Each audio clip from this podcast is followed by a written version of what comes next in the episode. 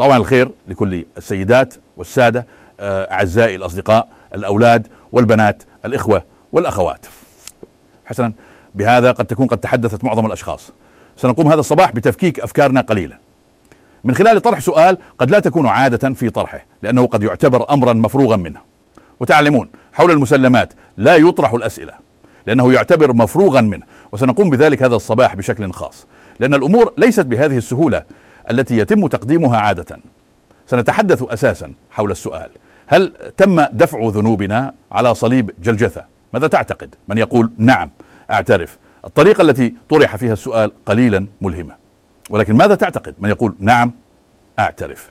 لم أخطط للأمور بشكل ذكي على الإطلاق.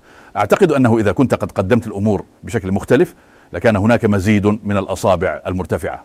لكنكم لم تتجرؤوا بالفعل.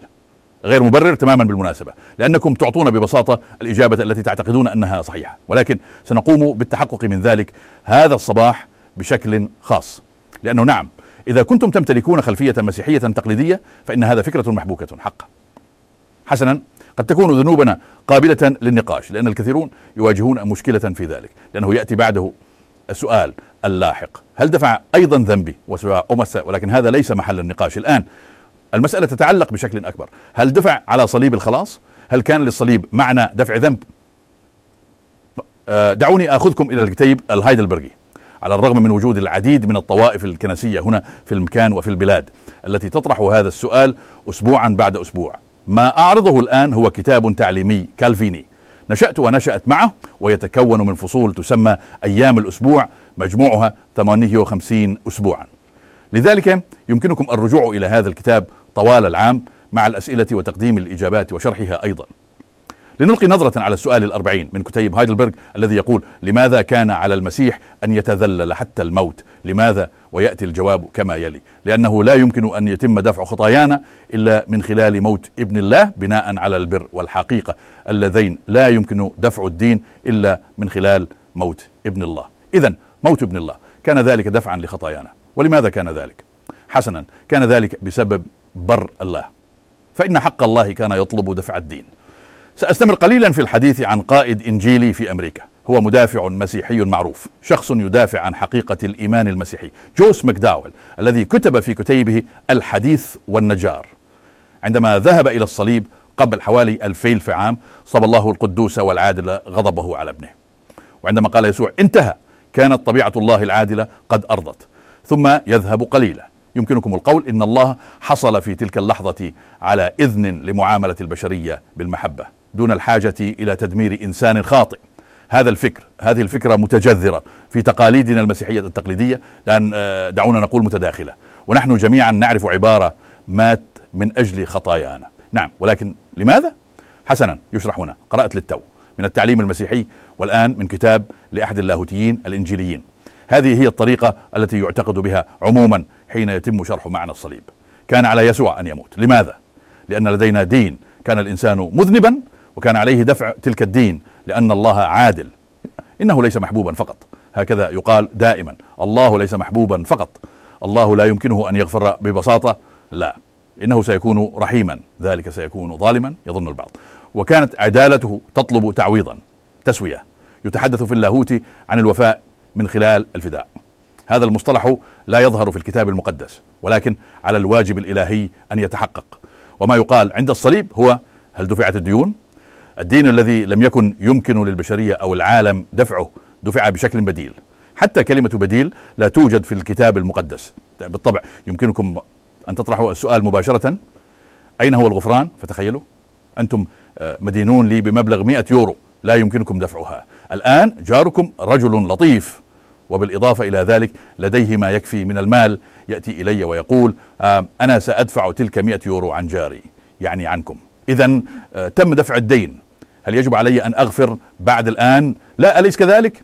إذا تم دفع الدين فلا حاجة لصاحب الدين أن يغفر للشخص. هذا ليس غريبا بالضبط. آه عندما لا يتم دفع الدين يمكن لصاحب الدين أن يغفر الدين. باختصار في المثال الذي ذكر للتو لا يوجد فعليا غفران بعد الآن.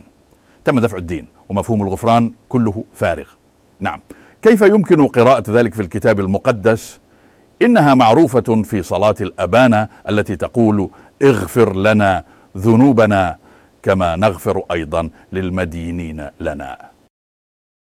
هل بدنا نشاركها تخيلوا طفلكم قام من بشيء غير صحيح ويجب أن يعاقب عليه، تقولون نعم أنا عادل يجب أن أعاقبك. لا يمكنني تجاهل الظلم أو تجاهله.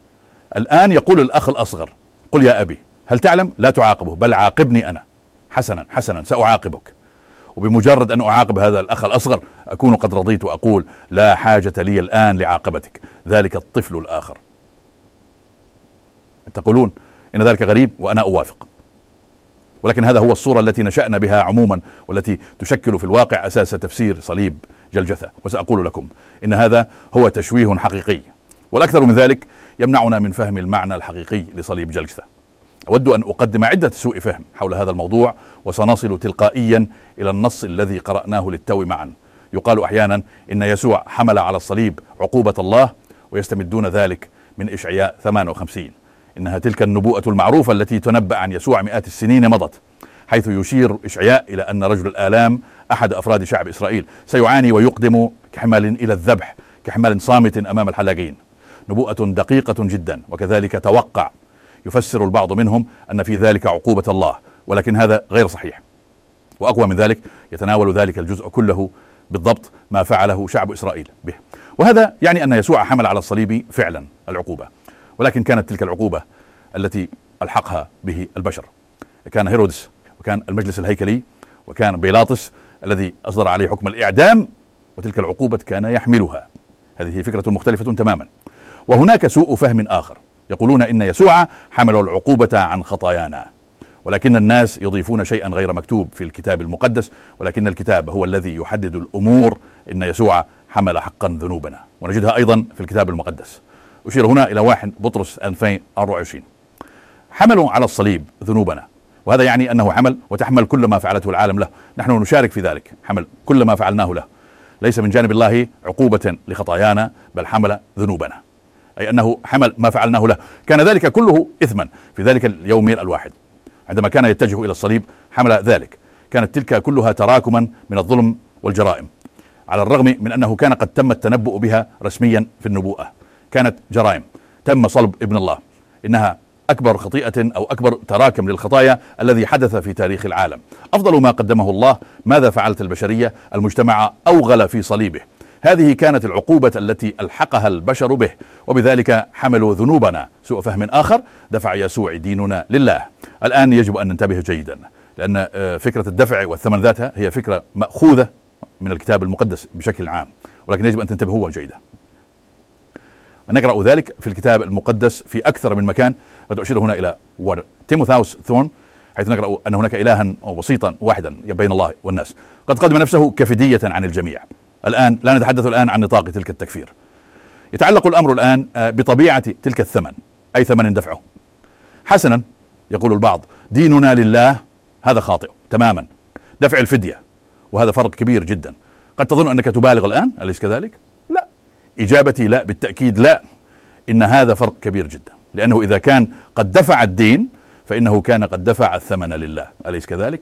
إذا كانت تلك هي الفكرة ولكن في حالة الفدية يكون التفكير هو أنه مات من أجل أن يخلصنا. تدفع الفدية إلى الشخص الذي يحتجزك. أليس كذلك؟ إذا كنت محتجزا. أو دعنا نقول على سبيل المثال إذا كنت مخطوفا والقراصنة يطلبون فدية. وعندما يتم دفع الفدية للخاطفين يقررون بعد ذلك الإفراج عنك. ولكننا لم نكن محتجزين من قبل الله بل الله أطلق سراحنا لديه. إذا كان الحديث عن الفدية فالفكرة هي أن الثمن دفع لتلك الجهة التي أمسكت بنا. والآن يمكنك أن تسأل حول ذلك أكثر لكننا لن نفعل ذلك الآن لأن ذلك سيكون ذهابا بعيدا. ولكن الفكرة هنا هي خاصة أنه دفع الثمن للموت. يجسد ذلك بشكل مجازي. في الواقع إن نتحدث عن استعارة عند الحديث عن الدفع سواء كان ذلك فدية أو دفعا للدين. إنها استعارة مقارنة ولكن يجب عليك أن تفعل ذلك بنقاء. نحن جميعا كنا موجودين محتجزون في الموت وبالتالي أيضا في الخطيئة. وما قام به السيد يسوع إنه مات. دفع بذلك الثمن للموت. لماذا؟ حسنا لكي يتمكن من التغلب على الموت. الثمن الذي دفعه هو الموت. من خلال الموت فقط كان يمكنه التغلب على الموت. وبالتالي جلب الحياة ومنحها للجميع. لذلك دفعوا الثمن. موته كان فدية لتحريرنا. ونعم الآن نأتي إلى سوء الفهم الآخر المتصل مباشرة به وهو أن يقول البعض الله يطالب بسفك الدم. لماذا؟ ليكون قادرا على الغفران. الآن لا أريد الذهاب إلى حد أن يكون لديهم فكرة عن مصاص دماء يكون راضيا فقط عندما يكون هناك دم. لا أريد أن أجعلها كاريكاتير ولكن هذا حقا ليس كما يصوره الكتاب المقدس. يستند البعض إلى كلمة في الكتاب المقدس. لهذا أردت أن أذكرها في هذه الدراسة. انظر هناك في العبرانيين تسعة يفسر فيها الذبائح وخدمة الكهنة وما إلى ذلك. ثم يقال هنا بين السطور بدون سفك دم لا يكون هناك مغفرة. عبرانيين 29 وما يقال هنا هو انظر الله يجب أن يرى الدم اولا. كان يجب أن يتم دفع الدين وإلا لا يمكن أن يحدث مغفرة. يلعب هذا الآية دورا كبيرا في ذلك. ولكن هنا أيضا يجب أن نقول إن هذا عكس ما هو حقيقي لأن في الواقع الله يثبت المغفرة من خلال سفك الدم. ليس هناك فكرة بأنه يطالب بسفك الدم ليتمكن من الغفران. لا من خلال سفك الدم على الصليب أو من خلال موت السيد يسوع يثبت الله مدى امتداد مغفرته. آه، حتى وإن صلبوا ابنه على الصليب لا يزال هو كله محبة مغفرة. يثبت سفك الدم هذا محبته وبالتالي أيضا مغفرته. ما حدث في ذلك اليوم؟ في ذلك اليوم الرابع عشر من نيسان يوم ذبح الحمل. عندما تم صلب يسوع على الصليب نعلم جميعا أنه كان هناك صلاة على شفتيه. كلمات من المزمور 22 ولكننا نقرأ أيضا أنه قال أبتاه اغفر لهم لأنهم لا يعلمون ماذا يفعلون. بينما كان دمه يسكب والرمح الذي أدخل في جنبه عندما كان دمه يسكب كان ذلك أكبر ظلم. ما حمله آنذاك؟ كان أكبر ظلم يمكن أن يفعل له. وقال اغفر لهم يا أبتاه لأنهم لا يعلمون ماذا يفعلون. كيف يمكن أن يكون هذا مطلوبا من الله وأنه بهذه الطريقة؟ تسدد الدين. لا شيء من ذلك. بل زادت خطية الإنسانية. لم يكن للإنسانية مثيل. فقط عندما قاموا بأكبر ظلم أي بتثبيت ابن الله على الصليب وحينئذ قد أكمل الله ما كان يصلى يسوع من أجله. أغفى عنهم. إلى أي مدى تمتد مغفرة الله؟ يجب أن تنظر إلى صليب جلجثة. كم يحب الله هذا العالم؟ الصليب يثبت ذلك. ليس الها مطالبا بل الها ممنحا. وبالتالي الها غافرا هل ترى فكرة مختلفة تماما؟ ونعم. هذا كو يقودنا أيضا إلى طبيعة معنى خدمة الذبيحة بشكل عام. أعني خدمة الذبيحة كما كان مفروضا في شريعة موسى بكل تفاصيلها. لكن كل ذلك يحمل فيه بعد نبوي. يعني كان ذلك حيوانا ويجب أن يكون حيوانا سليما حيوانا بريئا بالطبع حيوانا سليما. وبعد ذلك تم ذبحه ولكن في الواقع هذا ظلم أليس كذلك؟ إذا كنت تذبح حيوانا سليما نعم. الذبح كان ذاك الوقت ليس القربان هنا وغالبا ما يعتقد لا ذبح تلك الحيوانات ليس هو القربان كان هذا يسبق القربان. اولا كانت الذبحة وهذا في الواقع إثم. بعد الذبح يأتي على المذبح ويرفع ويصعد ليكون رائحة طيبة. انظر وهذه هي القيامة. أقصد نبويا ذلك. قربان الرب يسوع المسيح هو قيامته من بين الأموات. مات. كانت هذه هي الخطية في الأساس. حين تعتبر هو كخطيئة آه، ثم تم رفعه على الصليب. لقد قرأنا ذلك للتو في 2 كورنثوس 5 أصبح خطيئة. الخطيئة التي عملها الإنسان والله سمح لذلك أن يحدث. الآن نأتي إلى نقطة أخرى وهذا يحدثنا أيضا بشكل طبيعي عن المقطع الكتابي الذي قرأناه للتو. وهذا هو السوء التفسير الخامس. كنت قد أستطعت أن أصنع عشرة منها ولكن حسنا لأن هناك الكثير للقيام به هنا. وكما تفهمون ونشعر جميعا بذلك عندما نتحدث عن هذه الأمور ونتحدث عن موت السيد يسوع المسيح. ثم نتحدث عن قلب إيماننا السوء التفسير الخامس. يقول البعض على الصليب تكفل الله مع العالم. مرة أخرى آه هذا غير صحيح. هذا ليس ما تقوله الكتاب المقدس. هل تعلم ماذا يقول الكتاب المقدس؟ أنه من خلال الصليب يكفل الله العالم لنفسه. وهنا يجب أن تكون حذرا قليلا لفهم المعنى بشكل صحيح. هل تتطابق الفكرة مع ما يعتقده الناس؟ هل الله كان يطلب رضا؟ هل هذا هو التفسير؟ تم تحقيق طلبه وبالتالي تم تكفل الله؟ كان يكفلون أنفسهم مع العالم؟ لا. ابدا. لا تقول الكتاب المقدس بطريقة معاكسه دائما. لم يتكفل الله بنفسه مع العالم بل الله يتكفل بالعالم لنفسه. بالضبط على العكس.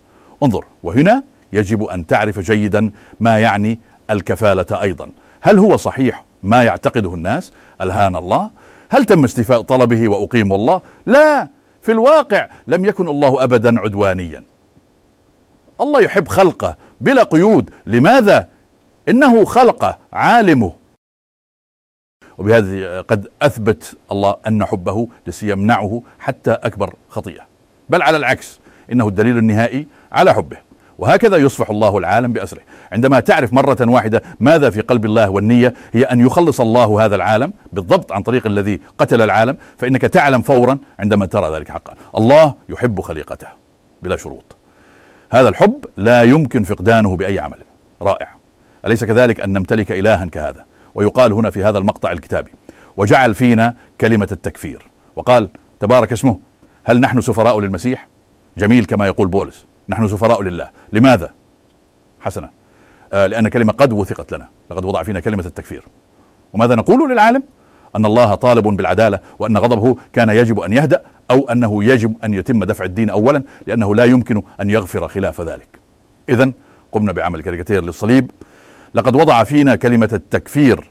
والآن نحن سفراء الله كما لو كان الله يستنجد بنا. نحن نتوسل نيابة عن المسيح. تصالحوا مع الله تصالحوا مع الله. نشير إلى صليب جلجثة. ماذا فعل العالم هناك بابن الله؟ كما كان متوقعا بالمناسبة. بالطبع هذا أمر مهم.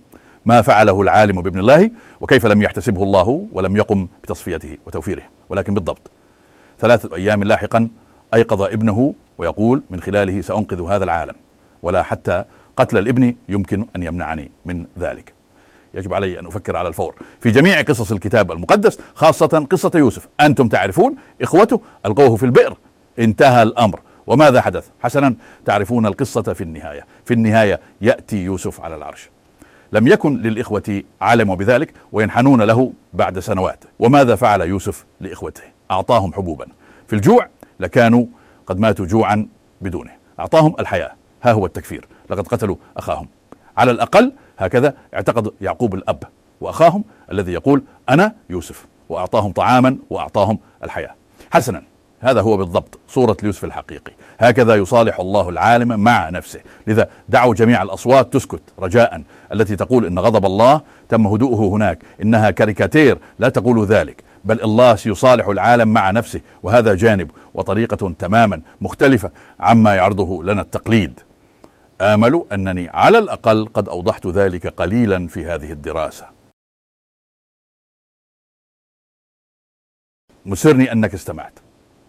كانت هذه دراسة من مؤسسة Goed Bericht الهولندية حيث يكمن الاهتمام في إنجيل الرسول بولس ويتم استخدام النص اليوناني الأصلي قدر الإمكان بدلا من الترجمة الإنجليزية العادية.